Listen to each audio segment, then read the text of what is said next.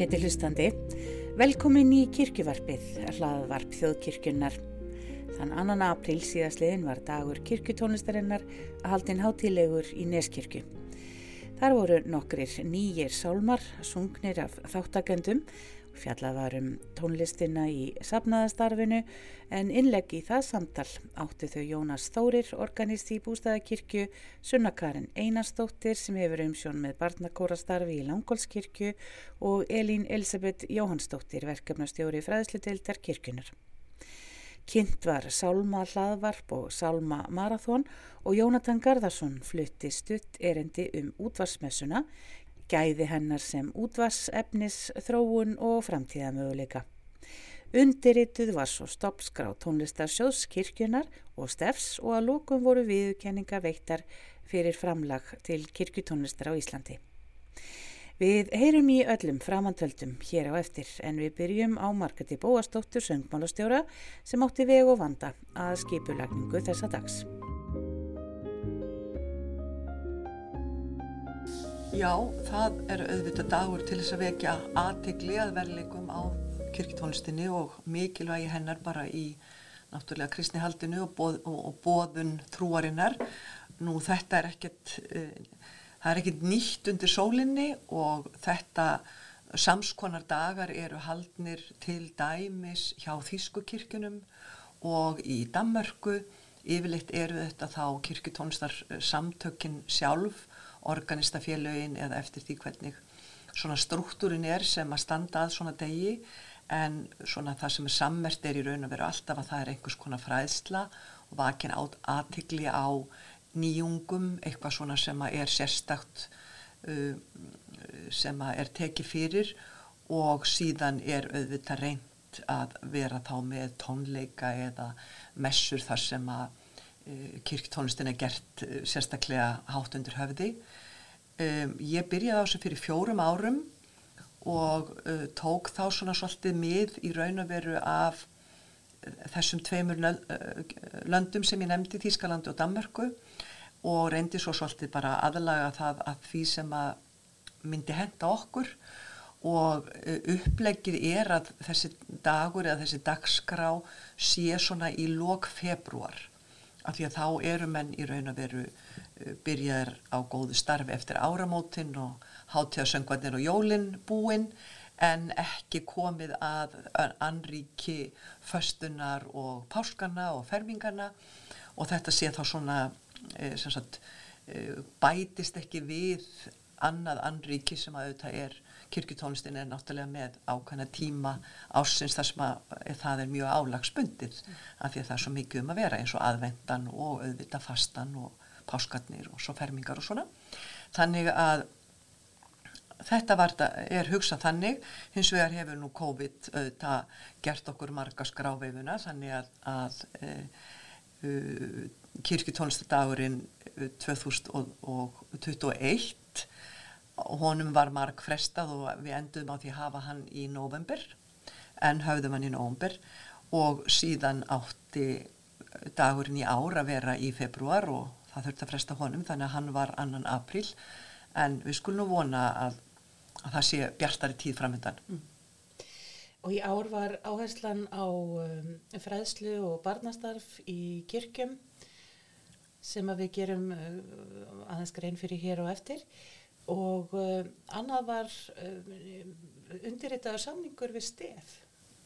Já, það var svona bara, við svona bættum því við til þess að, að vekja líka verðskulda eða aðtikli á þeim samningi sem að uh, Þjóðkirkjan og stef gerðu með sér árið 2019 um réttindagreislur fyrir alla tónlist sem er höfundavarinn uh, í öllu helgihaldi kirkjunar og þetta er auðvitað sannarlega tímamóta samningur og er raun að veru fyrsti samningurinn sem er gerður millir þessara aðila vegna þess að sá eini samningur sem var til var gerður árið 1972 þegar kirkjan var alfarið undir ríkinu og þá var það mentamálaráðandi sem gerði þennan samning við stef en alls ekki kirkjan sjálf af því hún, hún var ekki þess megnug síðan er auðvitað margt, um, mikið vatn runnið til sjávar og gífulega margt hefur breyst og, og það var bara tiltölulega flókil að finna út úr því hvernig ætti að nálgast uh, samningagerð. Og við sátum á fundum fleiri en færri með fulltrúum stefs í raun og líka fulltrúum mentamálaráðinsins í næri fjögur ár þanga til að við vorum búin að komast á grundvöld sem allir voru sáttir við. Og það þurfti líka svona, það þurfti að leggja niður þessar, uh, það þurfti að, að um, afskrá og afnema á alþingi gamlar höfundareglur, það þurfti að leggja niður þann sjóð sem stopnaður hafði verið þá, milli mentamála á ráðunitsins og stefs og það þurfti að gera nýjan samning beint milli þjóðkirkjunar og stefs og stopna svo nýjan sjóð milli þessara tveggja aðila. Og stundum er sagt að góði hluti gerast hægt og við þurftum svo svolítið að finna upp hjólið. En sem betur fer er það þannig að það eru allir aðilar bara mjög sáttir við þetta uppfundna hjól. En samningurinn er auðvitað viðtækur enda tónlistarstar kirkjuna mjög viðtækt og kirkjan greiðir uh, bara háa fjárhæð að verleikum auðvitað líka fyrir tilstefs í höfundagreðslur og hefur þá í raun og veru greitt fyrir með þessu, þessum samningi alla þá tónlist sem notuð er í öllu helgihaldi, messum, jarðaförum, skýrnum, brúðkaupum, ferbingum, bara öllu og öllu safnaðastarfi.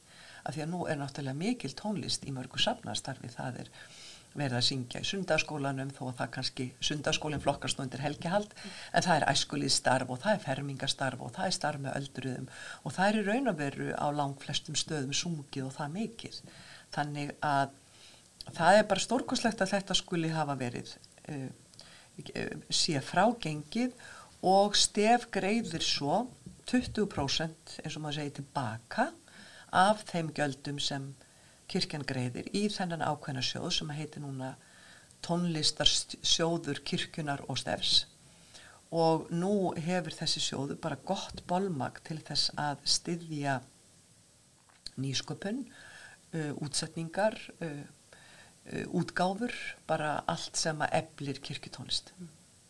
Það er tónskáld og flytjendur? Já, Ég, nei, ekki flytjendur að því leiti að sko við, ver, þessi sjóðu styrkir ekki tónleika hald þetta er í raun að veru þá sko þetta eru höfutagreðslur en líka það taka bæði til sko texta og tónlistar.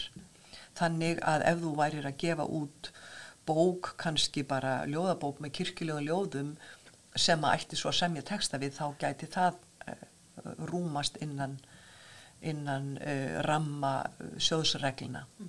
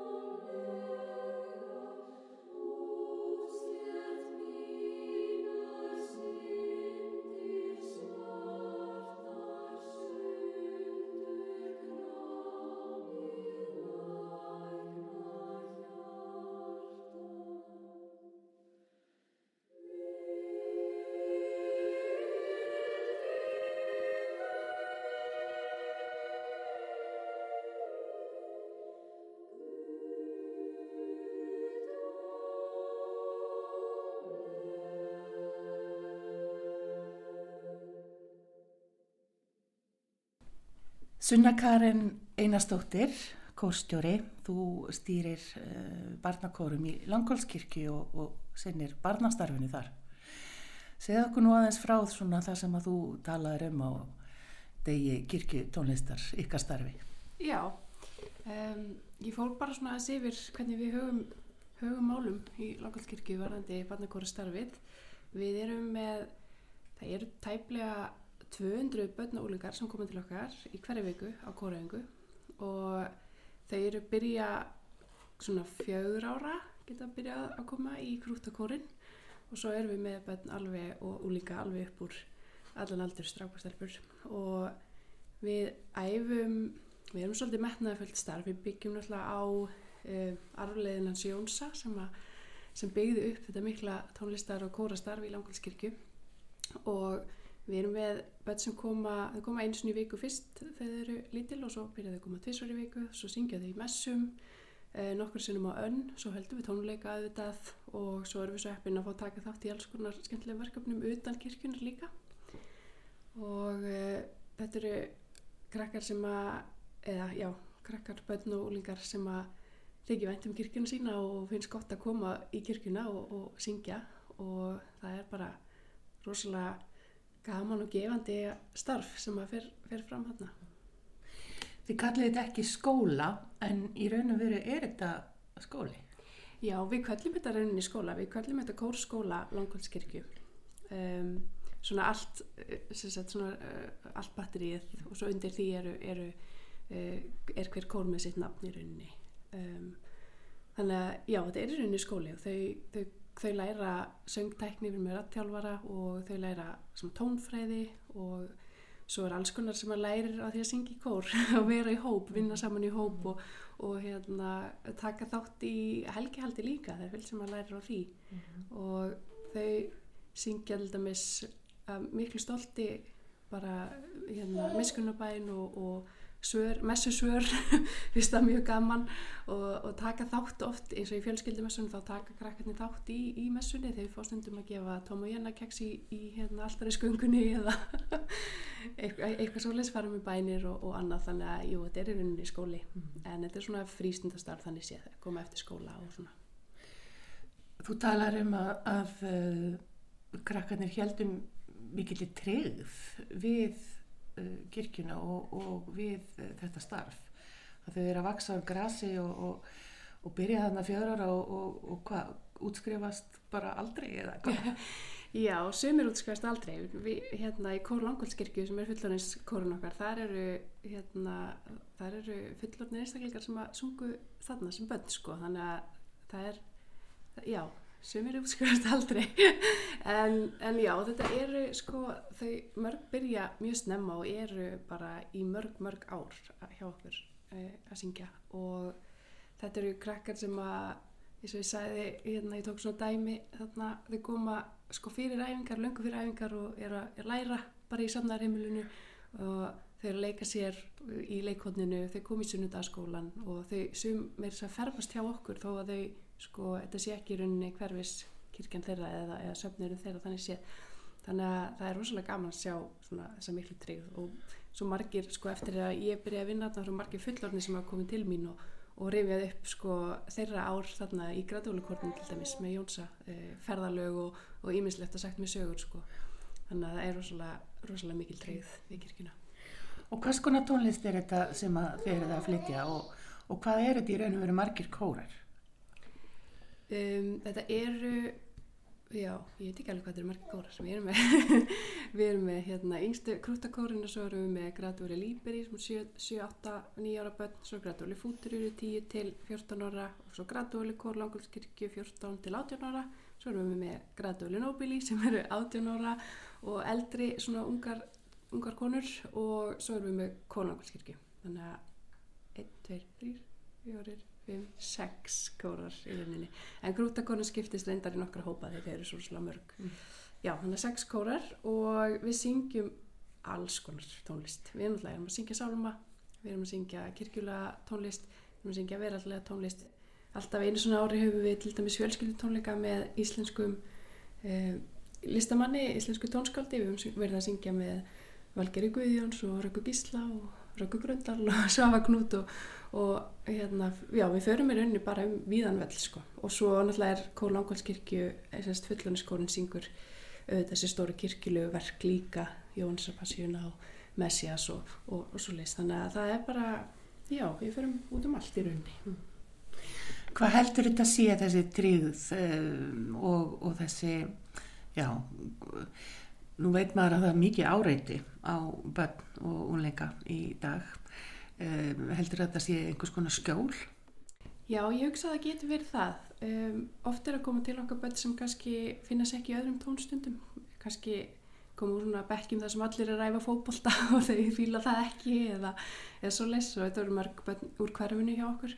Um, en það er, já, það er, það er bara gott að koma, þetta er örgu staður og hver sem er komið og, og sungi með og, og þau mynda líka bara svona vina sambund þau eru margar af hérna sem svona úlingstelpum, erum með margar mikið úlingstelpum sem eru bara góða vinkonur og halda hópin lengi mm. og ég er bara eignast sína bestu vini í þessu starfi og ég held að, já, við auðvitað er bara ótrúlega mikil hefð fyrir góðist kólastarfi í þessari kirkju og um, við erum með góða kórstjóra og, og, og söngkennara og ég held að það skiptir líka máli að vera með gæði í, starfinu sínu. Mm. og það er svona held, heldur halda krakkar áfram held ég. Við erum með hérna eina tæflega áttamánaða sem er mjög spennt fyrir upptökugræðinni og sem ætlar að fara í grútakórin eftir þrjú ár? Já það er þrjú ári hún geti hún var nú örglega farin að sniglast eitthvað með mömmu sinni í kirkjunni áður en er þetta ekki gefandi eins og fyrir þig að, að reyna að finna grefjandi verk fyrir hvern og einn og fyrir hvern og einn kór og, og, og svona verður ekki alltaf að syngja það saman Jú, algjörlega, það er það. Það er samt ótrúlega, einhvern veginn kemur að sjálfu sér, maður heyrir eitthvað eitthva nýtt og spennandi kannski frá öðrum eða erlendis og, og svo koma verkefni einhvern veginn bara upp í hendundur á manni og þess að maður þurfi kannski mikið að pæla í því. Þá fær maður fyrir spurnir og, og, og tekur þátt í alls konar skemmtilega verkefnum.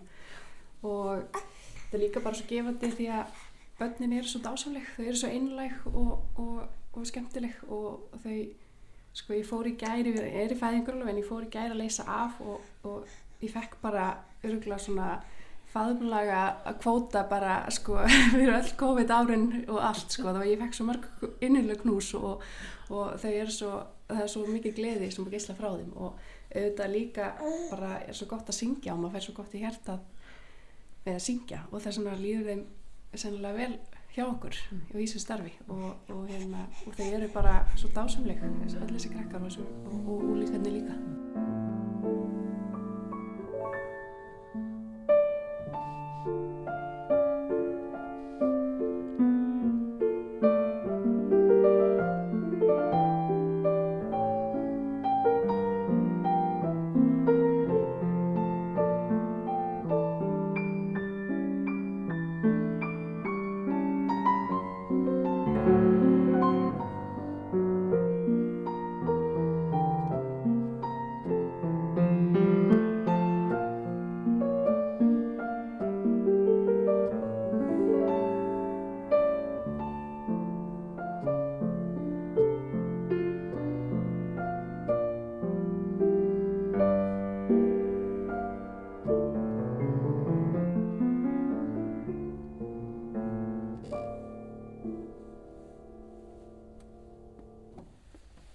Fallegt.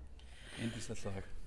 Jónas Þárir, þú ert organistið hér í Bústaðakirkju og hér eru við stött og þú ert svona, hefur líka svolítið svona umsjónum með barnastarfi, ekki satt? Jú, jú, ég kem að því, spila þar og er þar alveg mm.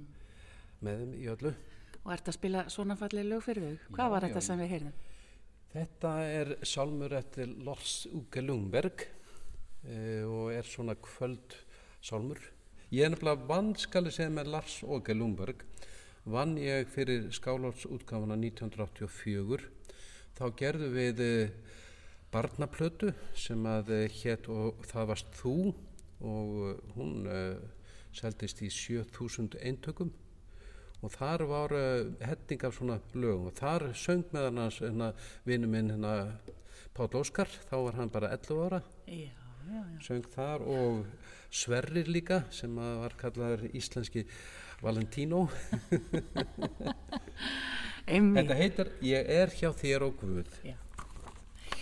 En þú varst með smátölu uh, á uh, degi kirkjutónlistarinnar í april og um, þar varstu svona aðeins að tala um já, að það hefði orðið svolítið breyting á sundaskólanum. Hann væri kannski ekki eins öflugur og hann var áður. Sko það sem auðvitað hefur verið að eiga sér stað er bara það að uh, sagt skólanir leif okkur ekki auðvitað að koma eins mikið inn í svona starfið og ég menna ef við horfum bara augu við það eins og staðan er bara ákveðin svona neikvæðni og svona, svona hvað maður segja bara við erum ekki að fá þann, þannig sé að mínum að stuðning en samt sem aður er alltaf ákveðin hópur sem er hérna og þetta eru þetta bara ég veist þetta byggt svona stundum á miskilningi verna þess að mér veist raunverulega hinn, já, vestræna menning, hvað er hún? Kristin menning og uh, mér finnst ólega skrítið ef að raunverulega veist uppeldið sem að við erum með á sem sagt okkar eigin börnum er ekki raunverulega þar meina það, meins að ég er búin að hitta bara ungt fólk dæmusögunar Jésu og ýmislegt annað. Og það bara veit ekki neitt um það. Mm. sunnudag skólinn eru þetta ýmislegt, það eru þetta mikið svona skemmtun Uh, hérna erum við að fá pappa og mömmu og af og ömmu með uh, sungið auðvitað sjálfsögðu mikið. Og það sem ég var einmitt að svona, já, spjalla um hvað maður hefur svona fengið nákvæmlega þetta intak viðhorfi hefur svolítið breyst og við erum svolítið að berjast við það því við erum meður að svona þetta alls saman. En ég, mér finnst eh, eins og staðin í dag sé aðeins að breytast aftur og sem er bara indislegt og ég vona að það muni halda áfram. Mm. Uh, kirkjan er okkar allra og við viljum auðvitað að það sé hérna bæði skemmtilegt og líf og börnin auðvitað sko, þurfa að mínum að á þessu að líka halda þess að þetta er ákveðin undirstaða mm. síðan auðvitað getur þú haft auðvitað að sjálfsögðu hvernig þú ert hafa eða haga þinni trú það er, en bara hún er auðvitað margvísleik. Það kom líka fram á degi kirkjutónlistarinnar að uh, kirkjan væri núna og hefði í svolítið langan tíma verið síðan að keppa við badnaefni í sonvarpi og tölfur og að því að, að, að sko ég maður þegar ég var að alast upp þá var náttúrulega ekkert sjónvarp á sunnundagsmótnum og enga tölfur ameríska sjónvarpið. Já, ameríska, við vorum ekki með það. En, en þá var ekkert annað að gera heldur en að, að senda bara afa með barni í sunnundagsskólan já, já, það, það er líka, það er alveg hárétt hjá þér. En við erum meira sem búin að fá afa hingað, afi kom hingað þess að örn átna eru þetta vinu minn. Já, og hérna og hérna góðan dag, góðan dag. Þess að sungja þetta hérna. Já, já, já. og uh, það alls mann. Og uh, það eru þetta jújú, jú, sjálfsögðu er þetta öðruvísi núna tímar. Uh, þetta unga fólku þetta er svolítið hægt að lesa bækur. Það er, þetta, þetta er orðið svolítið öðruvísi. Allt saman svona leikir og vídeo og ditt og dattinn e, mína sem sagt afa stelpur ég er alveg ólöndrandi það eru ólega mikið vídeo það er ekki eins og hort á bíómyndi það er bara, þetta er svona ákveðið vídeo svona, það er svona, svona er þetta bara. Já, stuttir sketsar. Já, stuttir já, og sketsar. TikTok og, Já, já, og, ná, og, og nákvæmlega nákvæmlega, þannig að þetta er öðruvísi þannig séð Uh, jú, jú, tímatnir breytast og menninni með og þannig bara er þetta. En við þurfum líka að uh, reyna að fylgjast að og hérna til og með sé okkur eins og kannski horfir hérna þá erum við með til og með tvo skjái. Já. uh, við erum að reyna að ná akkurat til þess að við erum með svona smá vídeo stutt svona og síðan erum við með leikbrúður og dittum dattinn.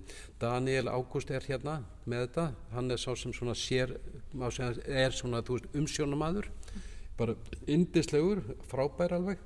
Og hérna er það, í þessu alveg af lífi og já, sál. Og uh, þetta eru þetta bara svona margvíslegt og síðan þetta erum við búin að vera upplegað þessi tvö skrítnu ár árin sem hurfu. Og uh, við erum að reyna að vinna þetta tilbaka og það er að við hefum fundið fyrir það. Það er að koma til, til, til okkar alltaf stærri hópur Þið voruð ekkit, brugðustu við, voruð þið með eitthvað eitthva streymi? Mikið af því, við Já. gerðum mikið af því og það er að það eh, fara bara inn á til með sjá okkur, kirkja.is og síðan auðvitað er þetta inn á ýmsu öðru og uh, þannig að það, við vorum að þessu í þessu tvö ár, heldur betur, gerðum mikið af því og fengum uh, allavega mjög góð viðbröð, það var bara indislegt. En tónlistin sjálf, er, er að bætast við lög eða er þetta bara daginn í dag og Nei, Jésu bróður nei, nei, besti? nei, og... nei, nei, nei, það er auðvitað alltaf að bætast við í öllu. Já, Það er að koma auðvitað út núna í haust, smunkunni, sálmabók.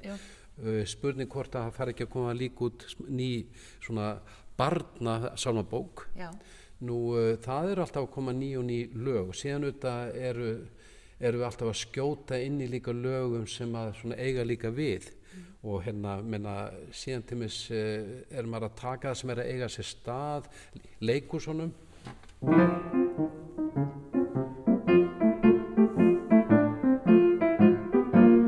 maður tekur þessi lög og bara verðna þess að uh, það eru þetta stór hópur sem er búin að vera að fara núna á þetta og, og kann þetta og menna af hverju má ekki líka taka þessi lög? Uh, síðan auðvitað erum við að taka hérna ímiskonar lög úr þessum já, Disney myndum og, Já. og ég til mig spila voða mikið Star Wars. Og Dittan og Dattinn að þetta er vissu fyrir af og ömmu þetta er svo gamla bíómyndir Indiana Jones. Og Star Wars er, Star Wars er svona bæðu komið inn og út og menna, og menna þú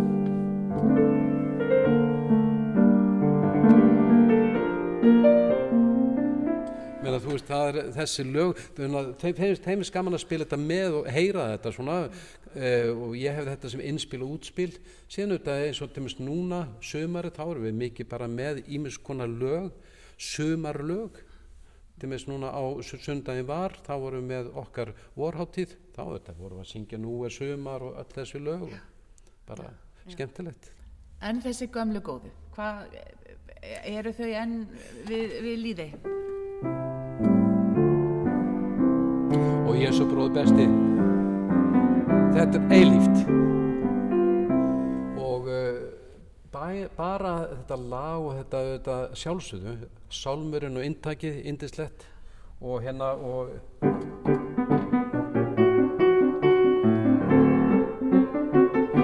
Jésús er besti vinnu barnana þetta er líka eilíft og hérna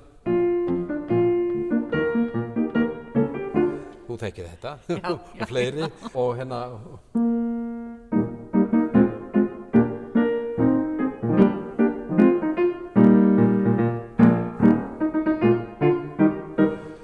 og, og síðan býttinu við? Þetta er ykkur amerískur salmur, þetta, jú, að hérna, hérna hann Daví var lítið drengur ekki? Já, já, já, ég man ekki eftir þessu. hann Daví var lítið drengur á drottins vegum hann gekk Já, hann fór til að fella risan og fimm litla steina hann fekk já.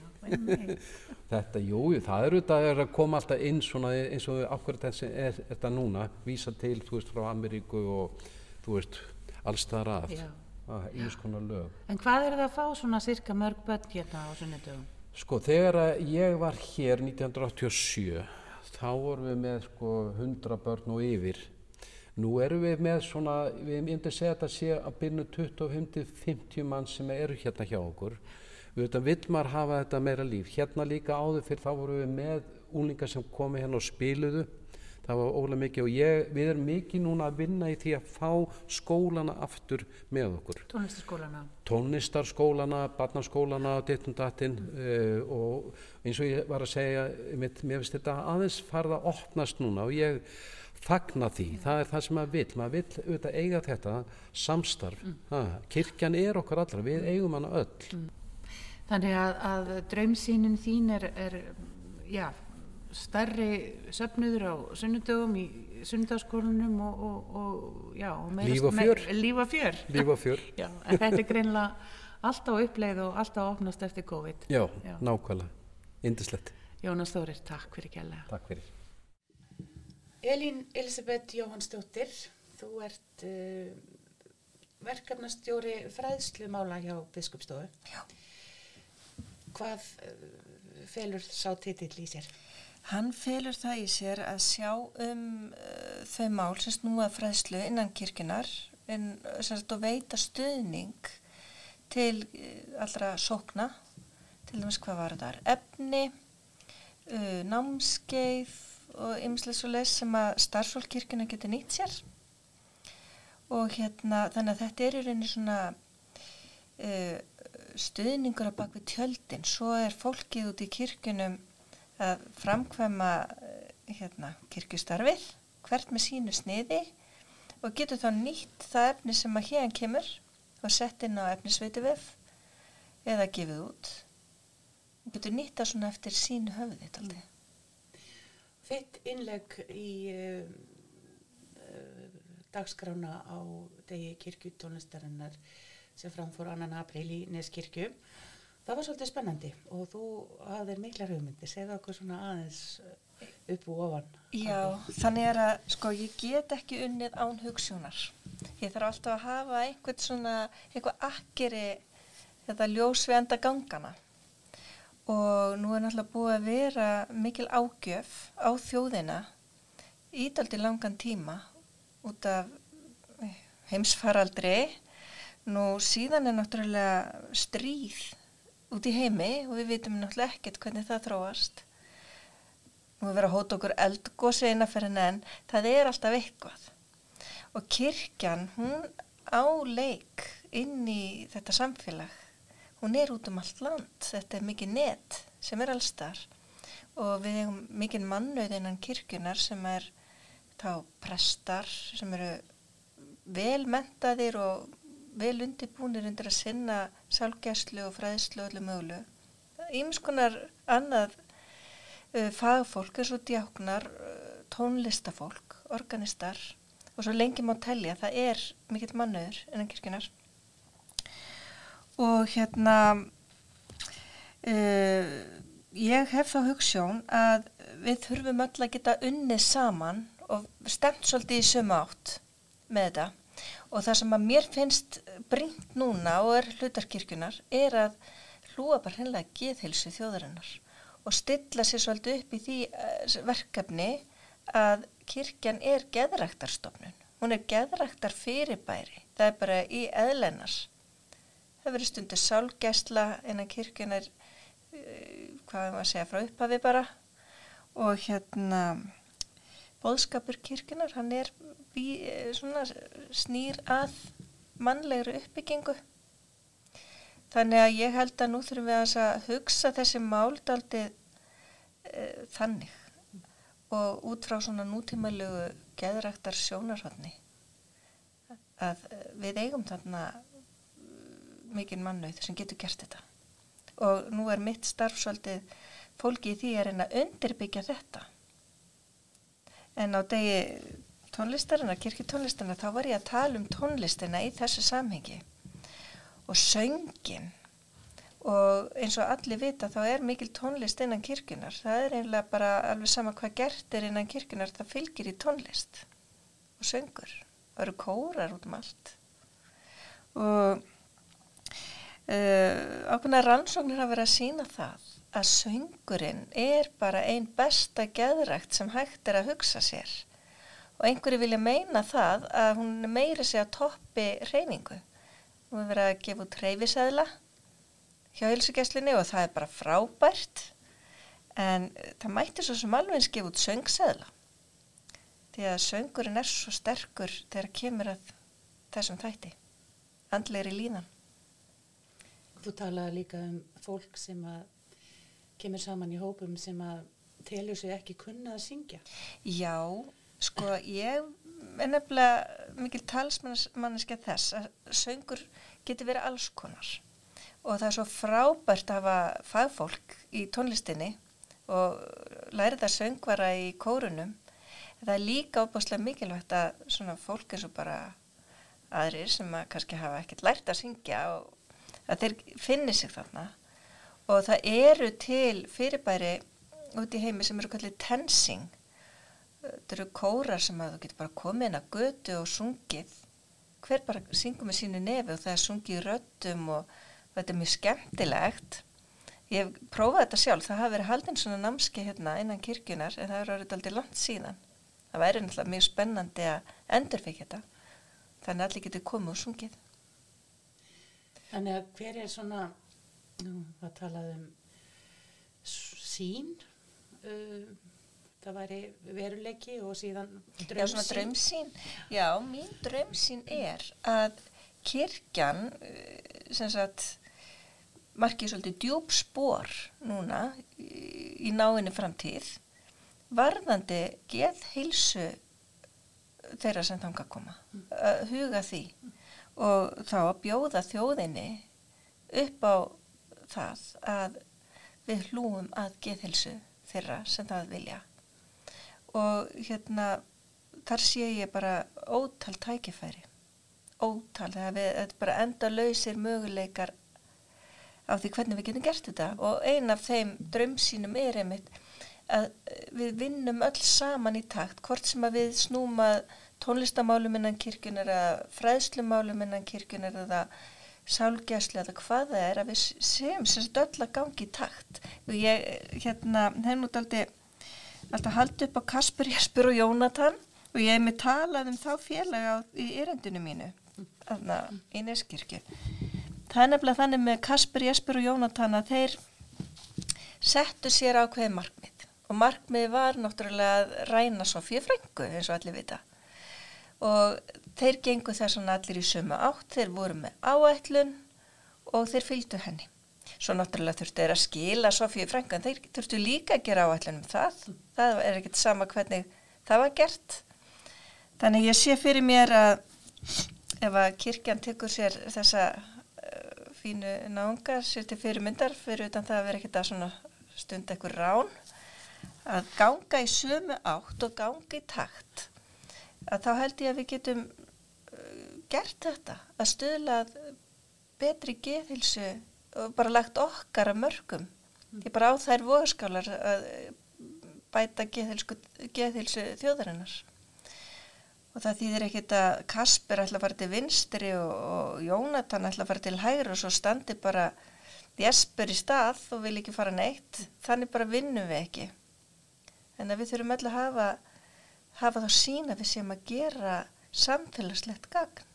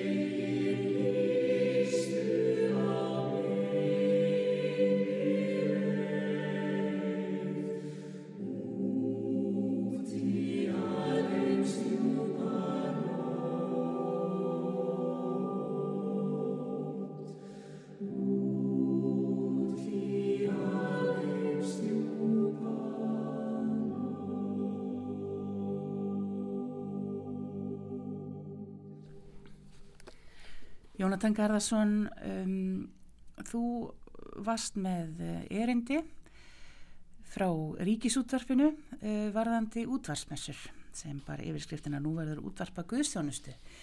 Um, svona stutt svona um það erindi. Hvað fjallaði þetta um?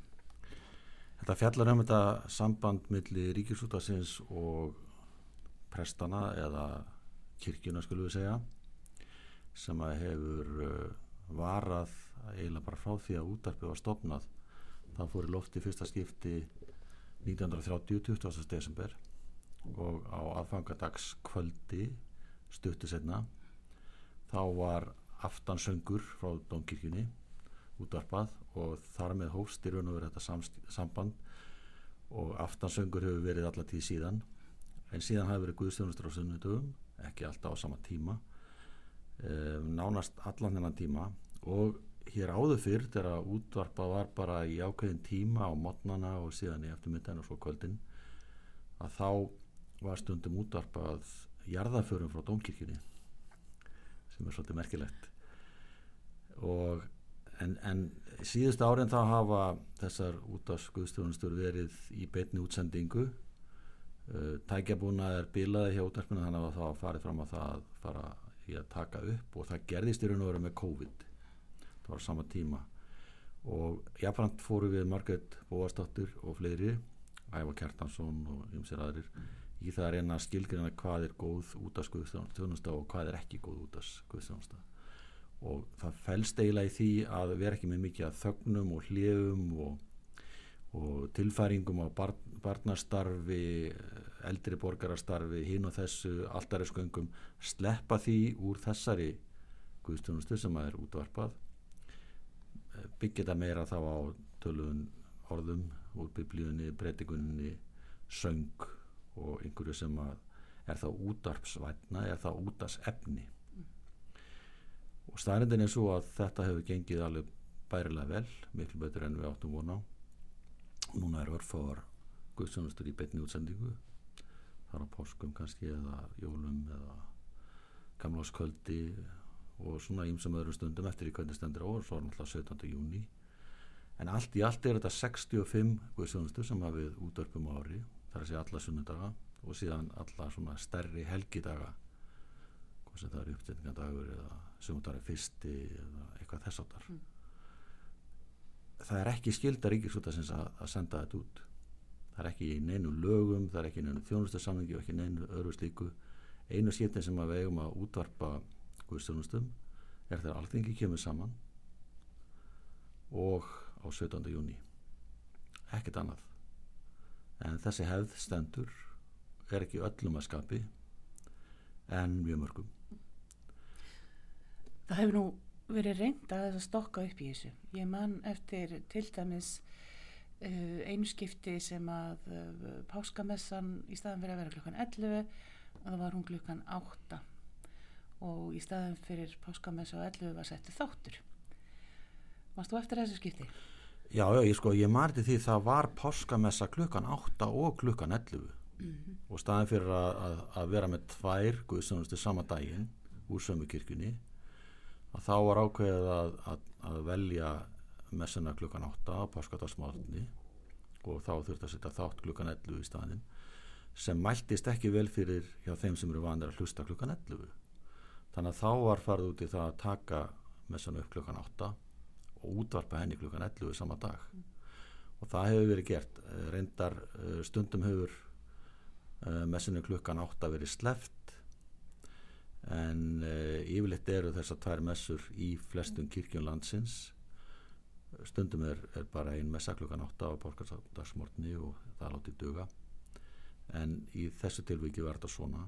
Og svo náttúrulega er búið að reyna ímestett fleira. Það er það er alltaf að tala um það hvort þetta sé útasefni eða ekki. Og það er svo bara allt öndur umræða. En af því að þetta er haft í útarpinu og það er talsvört hlustað e, það er svona segja, það er svona frá 1,1% upp í 3,5% eitthvað svo leiðis sem er alveg ágættis hlustun. Hún er meiri heldur en tölun að segja til um. Segð okkur hvað þetta er í marg þúsund manns? Þetta er svona frá 3-4 þúsund og upp í kannski 10 þúsund mann sem að hlusta. Og svo er náttúrulega aðfangartaskvöld alveg sérstakt því að það er kortist þögn ára á sett og búið að vera í langan, langan tíma nánast ára uppafi á undan aftansögnum áður en að klukkurnar ringja inn jólinn og uh, að vísu mælist þögnin ekki en það mælist sko þegar, þegar klukkurnar ringja þá kemur mælingin inn og hún fer alveg hátt í 50% þannig að mjög margir stilla á þessa messu og heyra hluta aftarsögnum, kannski fram yfir jólaguðspelli og þá, þá dettur þetta hratt niður, ekkit óeðlega en þetta er svona sátarskaluðu sem er með að jafna þið mesta hlustun ef að hægt er að segja það, það er að segja þögnin. Mm. og svo uppafið af messunni. Hefur einhver tíman orðið messufall í útverfinu? Já, já, það hefur komið fyrir. Það hefur komið fyrir að e, það náðist ekki samband við kirkjuna eða, eða búnaðurinn í bílunum dreif ekki. Og þá þurftu að rjúka til og, og finna til einhverja messu frá sömu kirkju frá kannski söpun tíma af því að það er ekki sama hvað er hverjir útarpa því að kirkju ári náttúrulega með sitt ritual sem verður að halda í og, og það er ekkert að, að setja bara eitthvað í loftið. Og svo hefur líka komið fyrir að, að raungmessa fór út. Það, ég man eftir einu tilfell þar sem að sama messa fór tvo sunnudagi röð sem mm. bara manni mistök. Það hefur verið góð messa. Annarkort það eða þá einhverju verið sovand á vaktinni. Já, já. Uh, ég veit ekki, nei þetta var bara þetta voru alveg ótrúlega skrítið mistök. Og þá höfum við þann það tækifæri að setja viðkomandi messu sem átt að vera þessum degi samt sem áður í spilararúf. Þannig að hún er aðgengileg á netinu. En svona á ekki gerast en það getur allt gerst. Og svo gerist það að ég skipti mann ég það átt að vera mjög stór og mikil uh, útsending frá Gráfóskirkju að vetri til fjöldin allir af, af tónlistafólki en veðri var þannig að það var ekki hægt að reyfa bílinn frá útafsúsinu það var bara snjóstormur og skablar og, og fólk náttúrulega heldur ekkert mættir þess að bara sinna þessu hlutverki í kirkjunni þannig að það hefði ekki verið neitt þar ef þó að bílinn hefði komist upp mm. og þá þurftu að grípa til uh, eldri messu og bara segja því miður vegna aðstæna, vegna veðus. Þá erum við með messu frá því fyrra mm. En Guðsorði er útvarpað samt sem aður Já, Já. við setjum ekki eitthvað annað í loftið nei nei. Nei, nei, En uh, er einhver umræða um, um það að breyta þessu fyrirkomli? Alltaf en það er engin sko, það er engin ákvörðun tekinn, það er engin hérna það er, það er ekkert kerfi í gangi sem er að vinna að því að breyta þessu eða, eða fella þetta niður þetta er bara svo umræð alltaf eins og í öllu sko er dagskvæliður og núreldur en ekki úreldur mm. á, á að gera einhver, einhverja uppstokkun.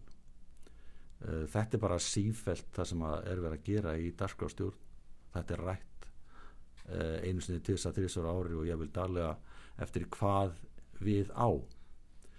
Uh, en það er svona vissar hefðir sem að fólk vil ekki missa en það verður að segjast eins og er að meðatals aldur þeirra sem að hlusta eru 70 ár það er að segja águðsjónstuna mm. það er ekki yngra fólkið en það er eldra fólkið auðvitað er einhverju yngri en meðaltalið er 70 ár og það er býstna háraldur en svo getur nú verið að einhver, einhver líl kríli væri þarna með ömmu og afa að hlusta á messuna og, og þetta, þetta síast inn í heilan, maður veit það sjálfur að hlusta á, á, á ráseitt í gamla daga eða hlusta á ríkisútarpi í gamla daga, voru ekki fleiri rásir að, að hlusta á það eh, skapaði mann svolítið og mótaði að því sem maður er í dag.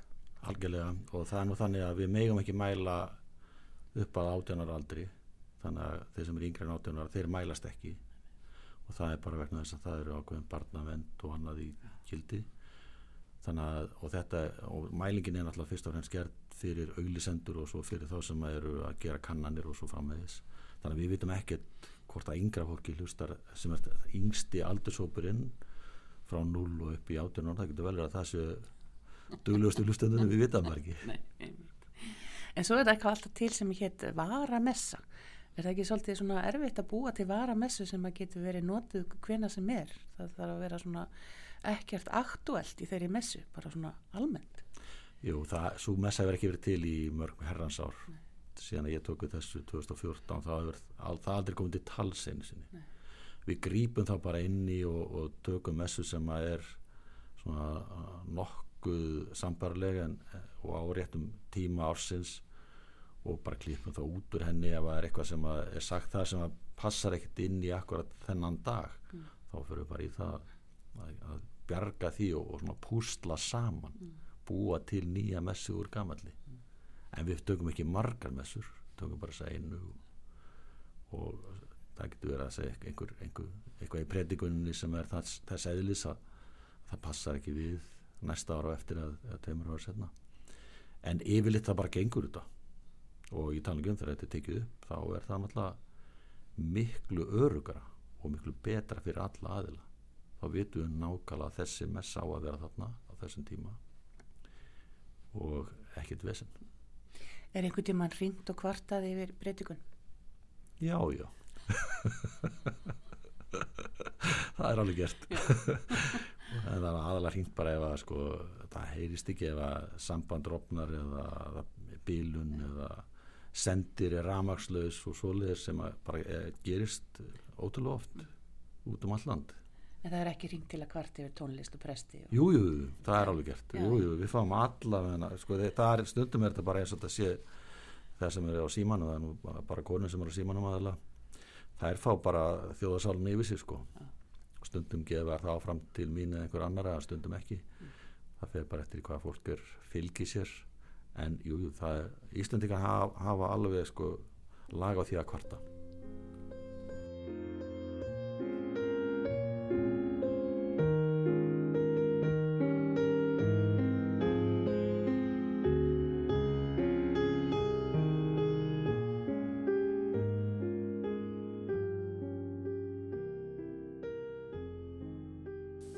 útgáfa nýra sálmabókar er alltaf gífulegu viðburður í kirkjulegu lífi og útgáfa nýra sálmabókar að baki slíkrar útgáfu líkur gífurlega vinna og ekki bara ára heldur ára tuga vinna í raun og veru hjá öllum kirkdeldum.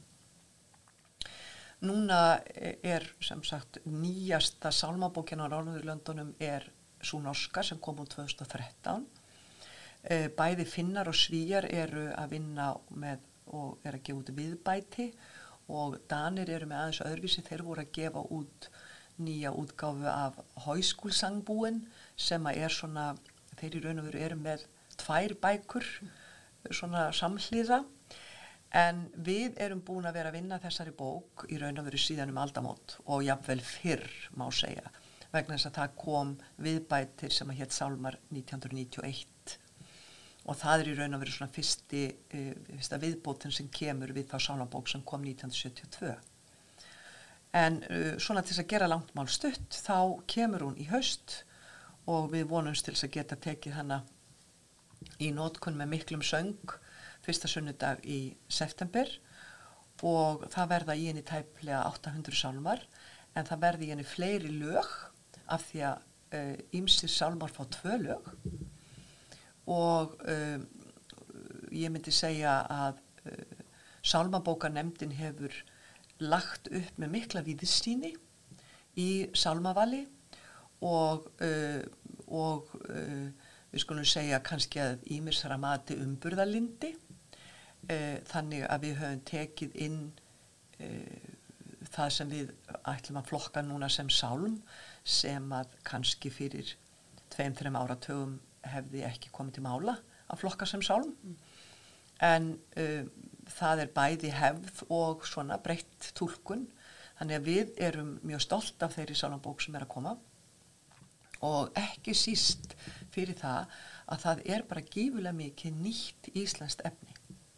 Það eru bæði sem sagt nýjir sálmar það er að segja tekstar en það eru líka bara ótrúlega gleðilega mörg lög og um, mörg tónskáld og líka um, um, sem sagt tónhöfundar sem hafa kannski ekkert endilega kallað sér tónskáld heldur hafa verið svona meira í, í dægurgeiranum og, og ekki endilega svona kallað eftir því nafni sjálfur en auðvitað tónskáld samt. Menn hafa samið við uh, nýlög við gamla sálma sem að er bara uh, mjög uh, áhugavert og mjög og sko breytir auðvitað heilmikið tólkun textans þegar kemur nýtt lag í öðrum stíl.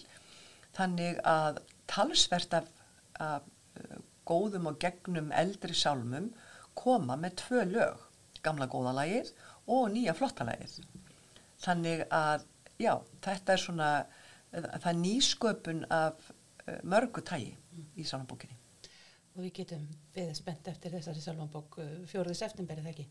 Vonandi bara uh, það er það sem aðeins stemt en svo svona tæpa ár eða sannst er það stefnan að á vordögum sem er þá 2023 þá verði allir búinir að æfa og fara í gegnum sálmabókina, ekki kannski að kunna hvern einasta sálm en draumurinn er þessi að við deilum sálmabókinni niður á helst alla söfnuði landsins og allir finna sína fulltrúa til þess að flytja uh, einn eða fleiri sálma og síðan höfum við svona hæg varp í nýbúna uh, hérna, lærið orð en hérna, ég kalla þetta sjálf alltaf söðburðar sjónvarp af því að Gísli Einarsson fór og, og var, var heilan sólaring í söðburðinum í fjárhúsunum mm. og, og það var, það var ótrúlegt áhorf yeah. á það þannig að í þessu hægvarpi er stemt að því með um, samstarfi við Ríkisjónvarpið að syngja sálambókina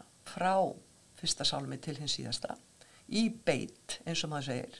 Og það tekur okkur uh, tvo og halvan sólaring um það bil. Og þetta er ekki heldur neitt sem við fundum upp á heldur norðmenn gerðu þetta. Já.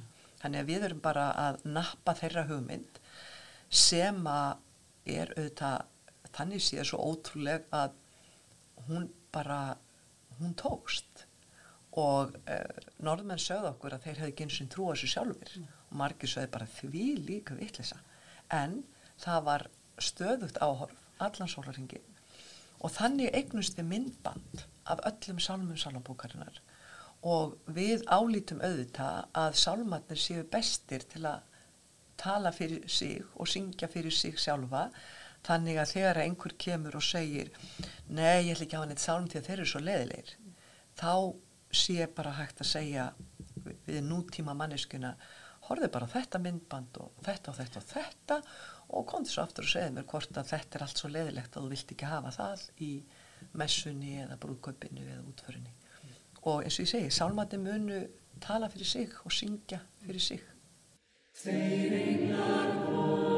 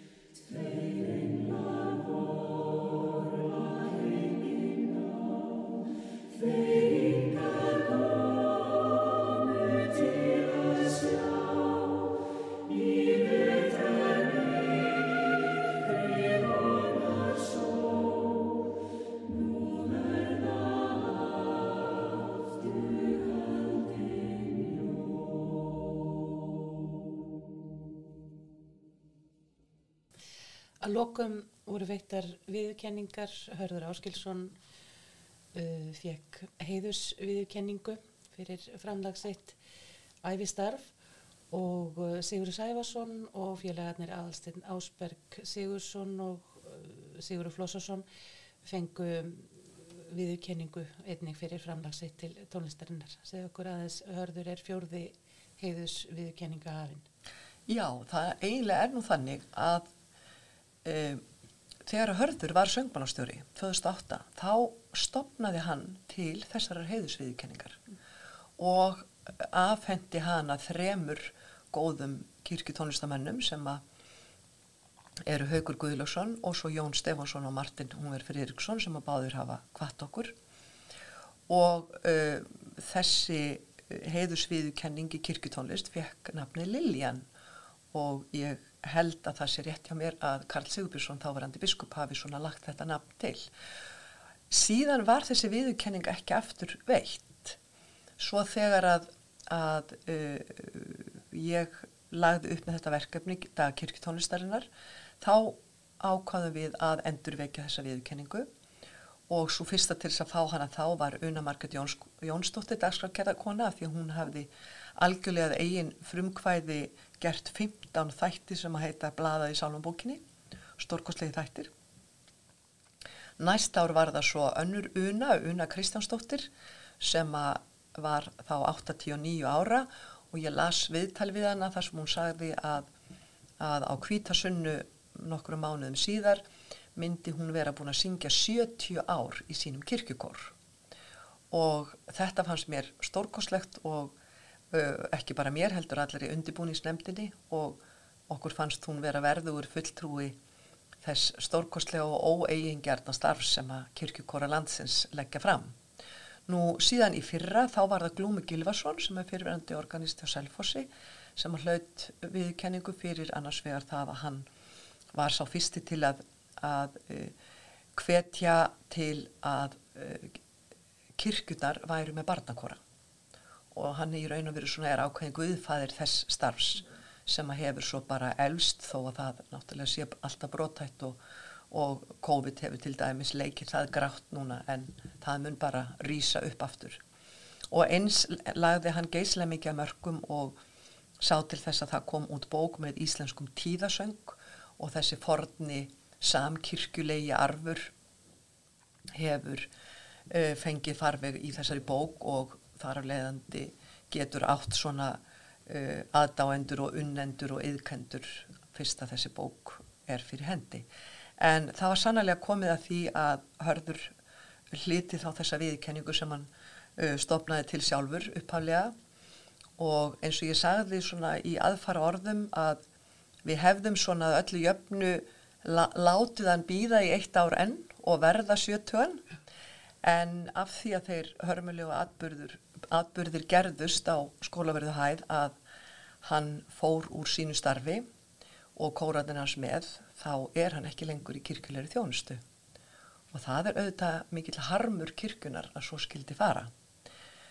Og uh, þar af leiðandi var uh, var að sjálfsögðu við þessi tímamót og þau hafi ekki verið gleðileg þá var það ljúft og skilt að hann fengi viðkenningu fyrir sitt æfistarfi í Halkumskirkju því það auðvitað er ómetanlegt og ótrúlegt hverju hann og hans fólk kom þar til leiðar og það er auðvitað ekki takt að hugsa sér eh, hvernig það hvers, eða hugsa allt það sem við hefðum farið á misvið í uh, kirkjunni og bara menningarlífi landsins ef að þau hefðu ekki lagt okkur til þessa stórkoslegu viðbyrði sem að Hallgrímskirkja gæt staði fyrir í krafti stærðarsinnar og staðsetningar og auðvitað fjármuna líka þar sem að, að uh, uh, Guðjón Samólsen sá það kannski ekki fyrir að ferðamennir myndu bjarga uh, ekki bara uh, byggingunni sem þarf sífælt viðhald heldur líka bjarga umtalsverðu hvað varðar lifandi starf kirkjunar með sínum framlögum að fara upp í törn og horfa á heiminn úr törn í Halgumskirkju. Og svo var það Sigurður Sæfarsson, Sigurður Flósarsson og Alstein Ásberg Sigursson sem hlutu svona auka viðurkenningur fyrir framlega sitt til kirkjutónlistar en þeir eiga þarna allir um, Sálma já, Sálma-bókinni. akkurat og það var í raun og veru sko uh, viðurkenningarnar sem að voru veittar uh, þeim til handa voru í raun og veru hugmynd frá stefi af því að á þessum tímamörkum þegar að var verið að leggja niður gamla sjóðin og stopna það nýja þá var, voru smá, smá fjármunir eftir í gamla sjóðinum og uh, það var samdóma álit sem sagt stefs og okkar hjá kirkjunni að það væri bara uh, mjög góð hugmynd að vekja aðtikli á þessum nýja sjóði og þessum samningi með því að uh, þakka einhverjum fyrir, uh, fyrir þeirra framlag og, og þess vegna sem sagt koma,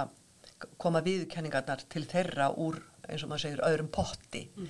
en uh, en það er það sama að þeir uh, hafa uh, samið þessa sálma uh, án þess að vera beðnir um það, bara þeirra eigin frumkvæði, þannig að þetta var náttúrulega bara örlítill þakklætisvottur til þeirra og Hallgrí, uh, sagt, uh, Sigurður Sæfarsson á líka uh, indislega sálma í sálmabók og þar má kannski fyrst nefna laugin hans við texta Hallgríms Péturssonar sem að koma í gegnum Hallgríms passíunans og laugin eru svo gautamleg og það þarf ekki að fjölir það um texta Hallgríms að það er líka eitt af því sem er svo áhugavert og stórkoslegt að enn þann dag í dag eru Íslands tónskáld að semja við texta Hallgríms Péturssonar og passíusalmandi verða bara nýjir og sí nýjir í gegnum þetta nýja tónmál